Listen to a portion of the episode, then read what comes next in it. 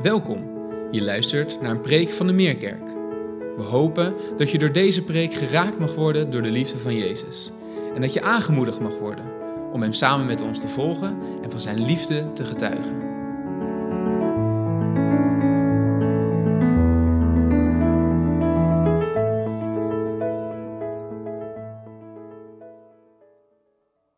Voor degenen die uh, nu inschakelen, die denken, wat is die uh, Remy er toch op vooruit gegaan? Ik weet het. Het was een uh, ladertje. Het was op het laatste moment inderdaad dat, dat ik toch besloot om, om hier Remy's plek in te nemen. En, en voor te bereiden voor de preek van, van vanmorgen. Dus om half tien gisteravond begonnen en tot half vier vanmorgen doorgegaan. als ik een mondkapje op heb, dan vallen mijn walletjes nog er iets onder. Nou, maar zo sta ik hier, maar het is goed, het is goed. Want ook geen medelijden te hebben met mij, want het is zo mooi dat ook als je daarin Gods woord zoekt en start met het voorbereiden van een preek, ook al is het in de nacht, dan merk je dat datgene waar we in zitten, in geopende ogen, de prekenserie, dat God ook mijn ogen opent voor datgene wat Hij laat zien door Zijn woord heen. Dus het is een kostbare tijd geweest. Het is een waardevolle tijd geweest. En uh, heel bijzonder om dat ook te mogen ervaren, zo midden in de nacht. We zijn al een tijdje op weg in het evangelie van Lucas. En voor degenen die de Meerkerk volgen, al langere tijd, die weten dat we al voor Pasen begonnen zijn met de weg naar Pasen. Zijn we in het hoofdstuk uh, van Lucas begonnen, waar Jezus zijn intocht deed in Jeruzalem op een ezelsveulen. Uh, we zijn gebleven in het evangelie van Lucas tot en met Pasen, maar ook weer vanaf Pasen in de nieuwe prekenserie van Geopende Ogen. En we gaan dus op weg. We zijn vorige week geëindigd in het laatste gedeelte van het Lucas-evangelie. En daar komen een aantal verschillende bizarre gebeurtenissen. We hebben daar ook over verteld. De gebeurtenissen van Pasen, dat Jezus opstond uit de dood. En dan verschijnt hij aan een aantal mensen. In eerste instantie, en Enrique noemde het al, aan de Emmausgangers, maar later ook nog aan zijn leerlingen. En in beide gevallen opent Jezus de ogen van die Emmausgangers, maar ook van de leerlingen, door het openen van de schriften. De schriften van Mozes, van de profeten en van de psalmen. En hij opende hun ogen voor wie hij zelf is. Voor alle voorspellingen en profetieën die gedaan zijn in het Oude Testament, die werkelijkheid zijn geworden in die ene persoon, Jezus Christus. En wanneer Jezus dus spreekt over het openen van de schriften van Mozes, dan bedoelt hij niet specifiek het leven van Mozes, maar dan bedoelt hij de eerste vijf boeken, de Torah van het Oude Testament. En vandaag gaan we kijken naar het leven van Abraham en gaan we kijken wat we daarvan uit kunnen leren en mee kunnen nemen, juist ook in onze prekenserie Geopende Ogen. En het staat omschreven in het Bijbelboek Genesis. We gaan niet stilstaan bij alle dingen die er in Abrahams leven gebeuren. Ik zal een aantal dingen aanstippen. Maar we gaan vooral dieper nadenken over die laatste grote gebeurtenis in het leven van Abraham. Eh, dat bizarre verhaal dat hij bereid was om zijn zoon te offeren. Nou, we gaan kijken naar hoe komt hij nou tot dat punt, zo aan het einde van zijn leven, waar God hem nog één keer op de proef stelt. Er is een dominee, dominee Paul Visser, als je wat meer uh, wil weten over dat leven van Abraham. Hij heeft een boek geschreven toen ongeloof nog heel gewoon was. Een tijd waarin Abraham leefde, waarin Abraham een enkeling was, een eenling was die nog God wilde volgen. Dat boek gaat over het leven van Abraham. Als je geïnteresseerd bent om meer te weten over het hele leven van Abraham en wat de verwijzingen zijn en de gelijkenissen zijn met het leven van ons hier en nu, voel je vrij om dat boek aan te schaffen. Er is ook op Spotify een interview te vinden uh, met deze dominee Paul Visser, waarin hij ook spreekt over, uh, over dit onderwerp en over het leven van Abraham. Dus voel je vrij om dat ook te doen. Maar wij gaan nu specifiek inzoomen op die laatste gebeurtenis. Die grote, onwaarschijnlijke, bizarre gebeurtenis dat God Abraham op de proef stelt in Genesis hoofdstuk 22. Maar om daar te komen willen we een aantal dingen wel aanstippen. En het start, het hele verhaal waarin God Abraham roept, dat start in Genesis hoofdstuk 12. En daar begint het. En je moet je goed voorstellen dat Abraham op dat moment dat God in Genesis 12 tot hem spreekt, al 75 jaar is. Hij is 75 dat God tot hem spreekt en dat God hem roept. En dan lezen we in dat hoofdstuk 12, lezen we die eerste drie versen. Want wat vraagt God dan van Abraham, die op dat moment nog Abram heet? De Heer zei tegen Abraham, Trek weg uit je land, verlaat je familie, verlaat ook je naaste verwanten en ga naar het land dat ik je zal wijzen. Ik zal je tot een groot volk maken, ik zal je zegenen, ik zal je aanzien geven, een bron van zegen zul je zijn. Ik zal zegenen wie jou zegenen, wie jou bespot zal ik vervloeken. En alle volken op aarde zullen wensen zo gezegend te zijn als jij. Wat een oproep.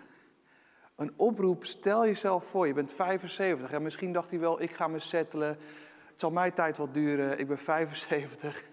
Heerlijk, eventjes ontspannen, mijn laatste tijd in.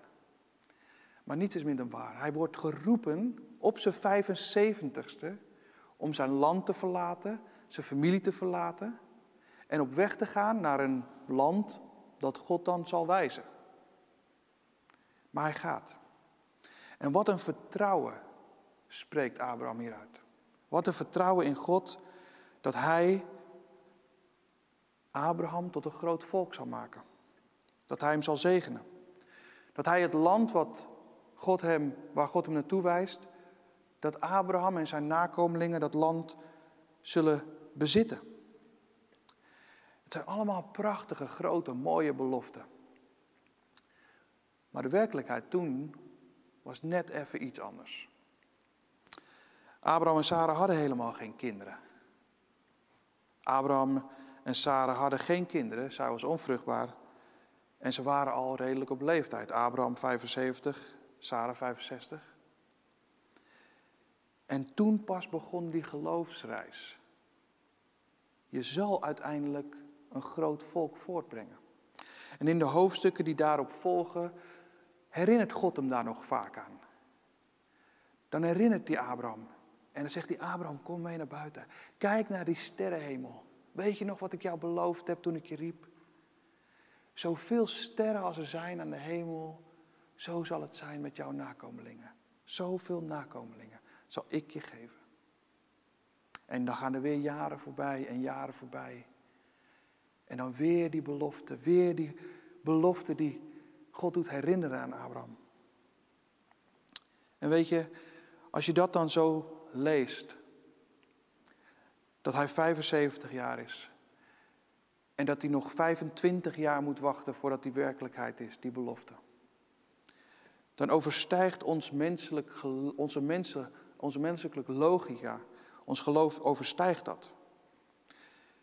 Er is een prachtig vers uit het Nieuwe Testament in Hebreeën 11, waar staat dat het geloof de grondslag legt voor alles waarop we hopen en dat het ons overtuigt van de waarheid die we niet zien. En dat was ook voor Abraham zo.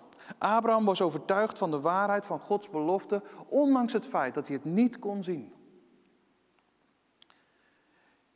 En als Abraham dan zo geroepen wordt daar in Genesis 12, dan zou je natuurlijk denken van nou, daar zet God wel vaart achter. Ze zijn inmiddels al op leeftijd, de biologische klok tikt. Maar nee, ze worden in een geestelijke wachtkamer gezet, zou je kunnen zeggen. Een geestelijke wachtkamer die 25 jaar duurt.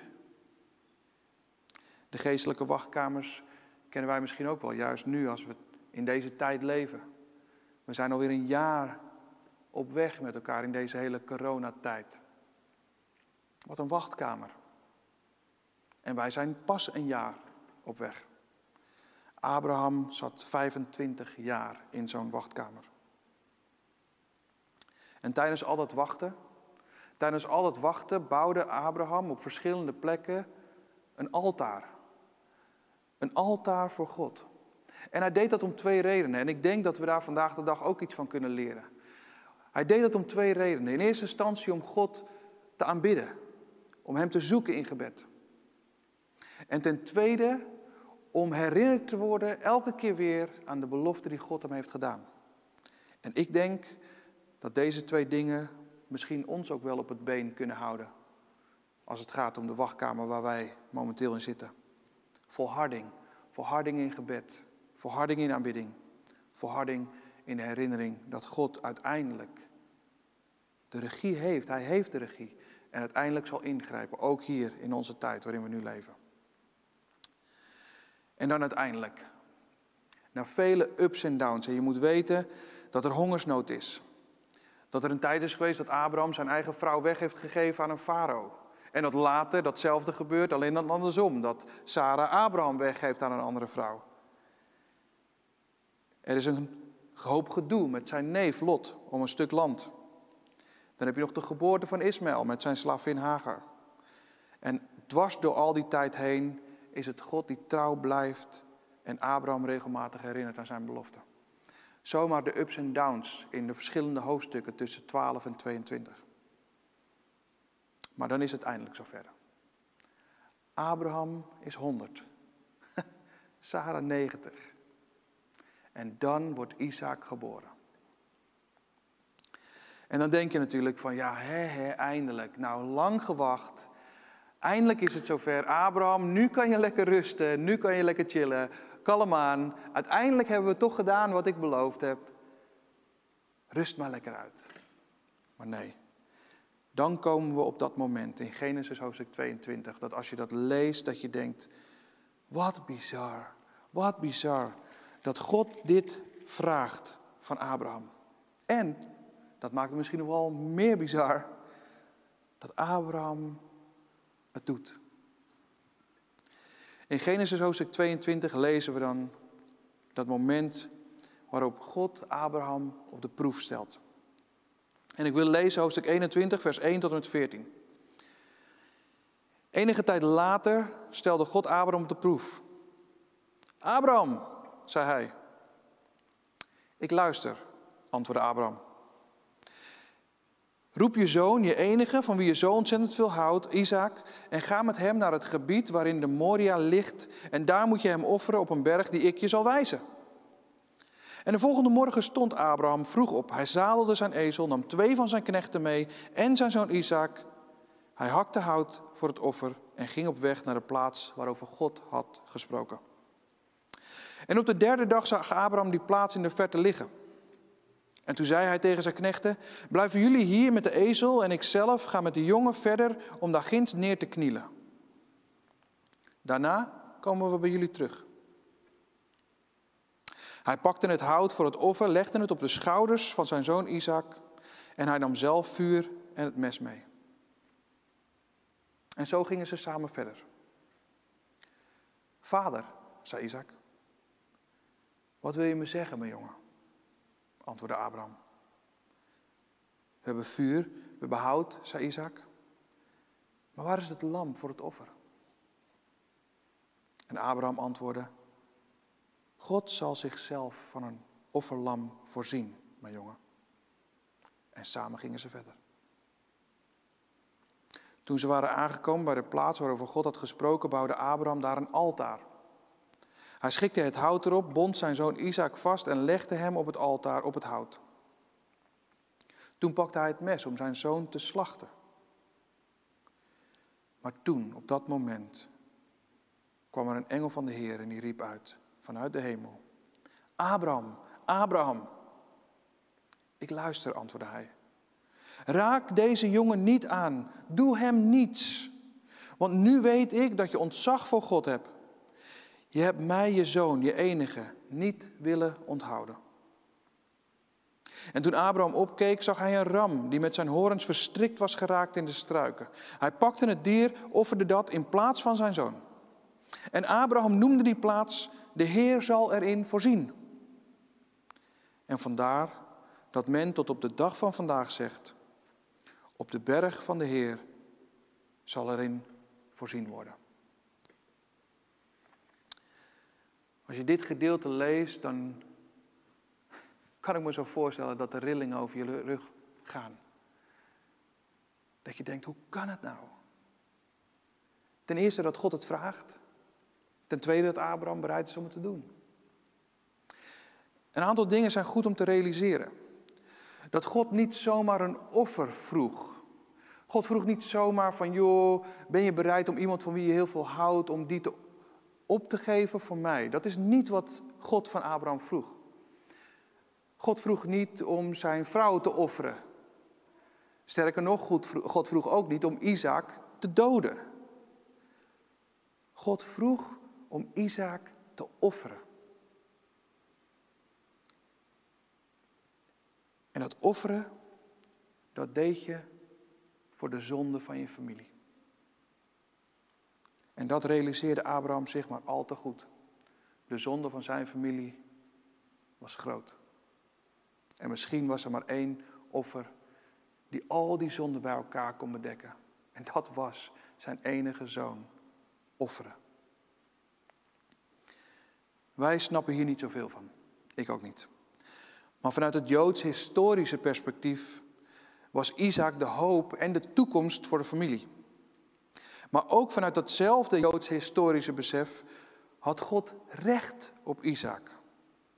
Je zou kunnen zeggen dat Isaac in bruikleen was van Abraham.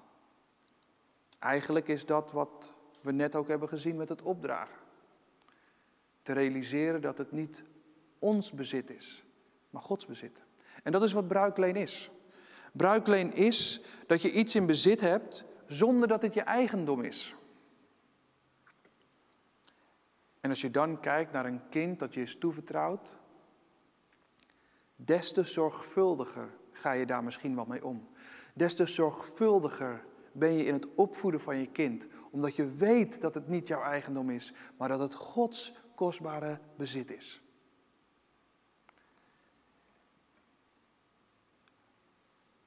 Abraham en Isaac. In het Bijbelgedeelte staat dat ze van Beersheba naar Moria gaan.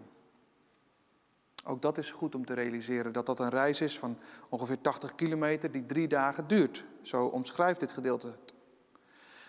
Maar stel jezelf eens voor hoe dat moet zijn geweest voor Abraham. Abraham wist waarvoor hij geroepen was. Abraham wist waarvan, waarom hij op weg ging van Beersheba naar Moria. Hij wist dat het drie dagen zou gaan duren. En drie dagen lang speelt dat in zijn hoofd. Over drie dagen geef ik het meest kostbare terug aan God. Ze slapen en het wordt wakker. Nog twee dagen en ik geef het meest kostbare terug aan God. En de tijd gaat verder en verder en verder. Nog één dag en ik geef het meest kostbare terug aan God. En dan is dat moment daar. Dit is het moment.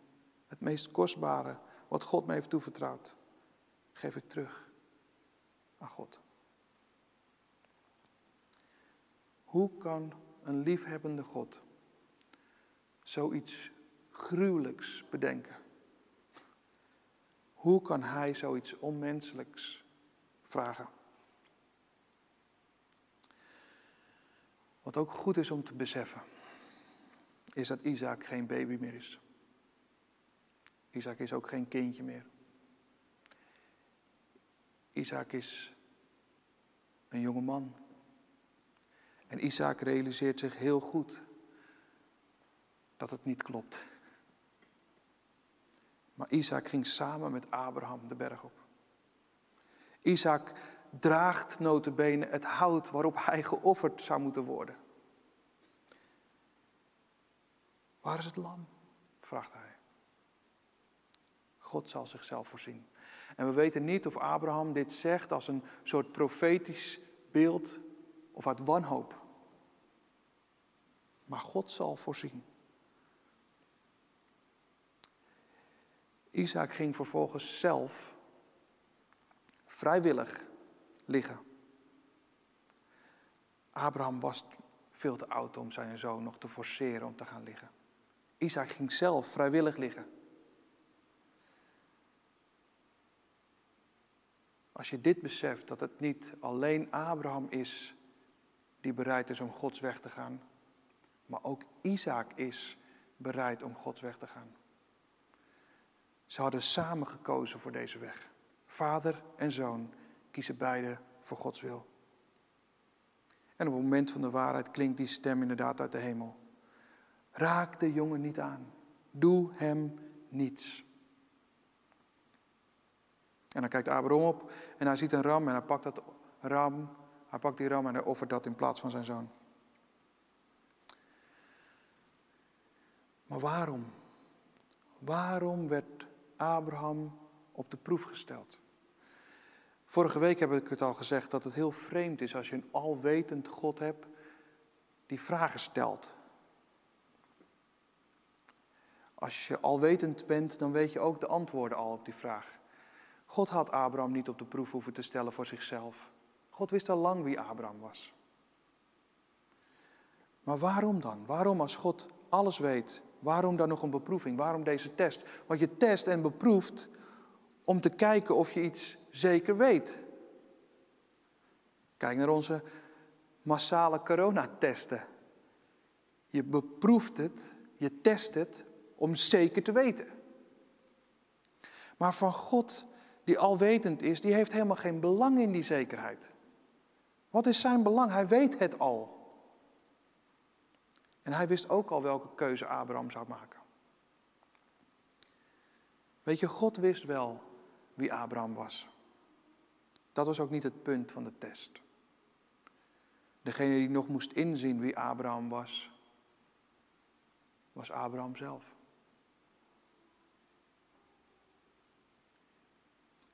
En in dit hele verhaal merk je dus dat het doorleefd is met het evangelie.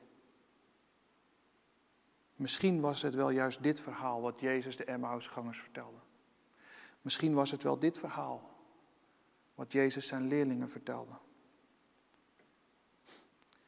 Dat hij verwijst naar Isaac. Zie je Isaac? Hij droeg het hout waarop hij zelf zou moeten sterven. En 2000 jaar later was het Jezus die zijn hout droeg om op te sterven. Misschien verwees Jezus wel naar een vader en zoon die allebei bereid waren om Gods wil te doen. 2000 jaar later. God de Vader en Jezus de Zoon kiezen samen om die weg te gaan. En daar waar God Abraham het inzicht gaf dat hij zelf zou voorzien in een offerlam, daar gebeurde het niet op dat moment.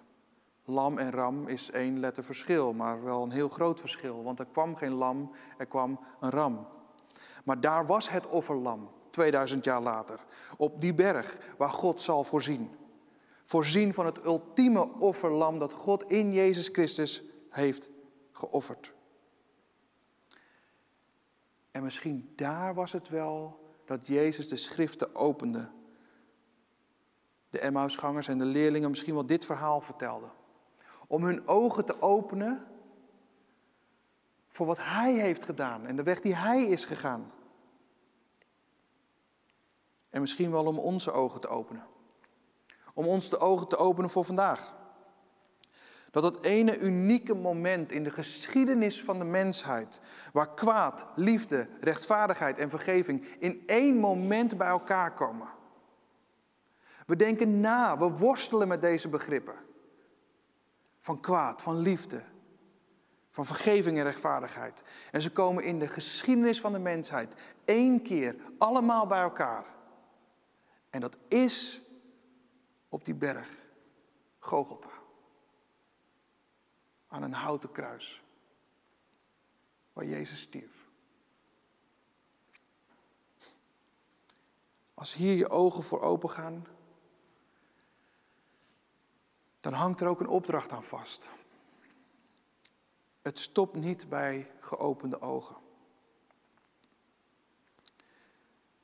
Genesis 12 en Genesis 22 zijn allebei oproepen van God aan Abraham om ook te gaan. In Genesis 12 zegt God, ga naar het land dat ik je zal wijzen. En in Genesis 22 roep je enige geboren zoon en ga naar de plek die ik je zal wijzen. Maar als we kijken naar Jezus en de grote zendingsopdracht die hij geeft in Matthäus 28, dan zegt ook Jezus tegen ons, ga en maak alle volken tot mijn discipelen. Ons gaan vereist moed.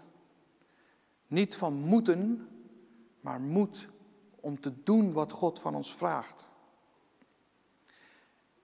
En misschien is dit wel een samenvatting, een paradoxale samenvatting van dit verhaal en van onze roeping. Met geopende ogen mogen wij in blindelings vertrouwen op weg gaan. Met geopende ogen mogen wij in blindelings vertrouwen op weg gaan. Geopende ogen voor wie Jezus is en wat Hij heeft gedaan. En blindelings vertrouwen voor de weg die Hij met jou wil gaan. En dat is een leven in onzekerheid.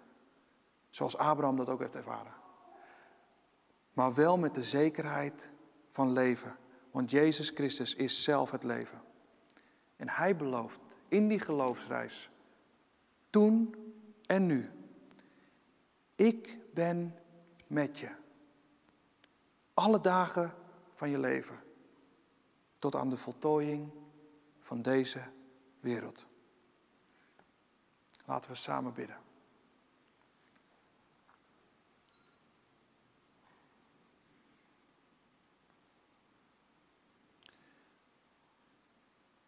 Heer, als u onze ogen opent voor wie u bent. Zoals u dat heeft gedaan bij de Emmausgangers, zoals u dat heeft gedaan bij uw leerlingen, zoals u dat heeft gedaan later bij Paulus, maar ook nu, vandaag de dag. En in al die jaren daartussen, voor de vele honderden, miljoenen mensen, miljarden mensen. Dat u ogen heeft geopend voor wie u bent. En alleen al het feit dat we 2000 jaar later nog steeds spreken over wie u bent en wat u heeft gedaan, laat zien dat u uniek bent. Over wie anders praten we nog? Met zoveel eerbied en zoveel respect. Voor een revolutionaire denkwijze. Van die tijd, maar ook van onze tijd. Heren, dan kijken we naar het leven van Abraham. Dan openen we de schriften die u heeft geopend bij de Emmausgangers, die u heeft geopend bij de leerlingen, die openen we vandaag de dag nog steeds. En we zien dan in de geschriften van Mozes, in de Torah, dan zien we dat leven van Abraham.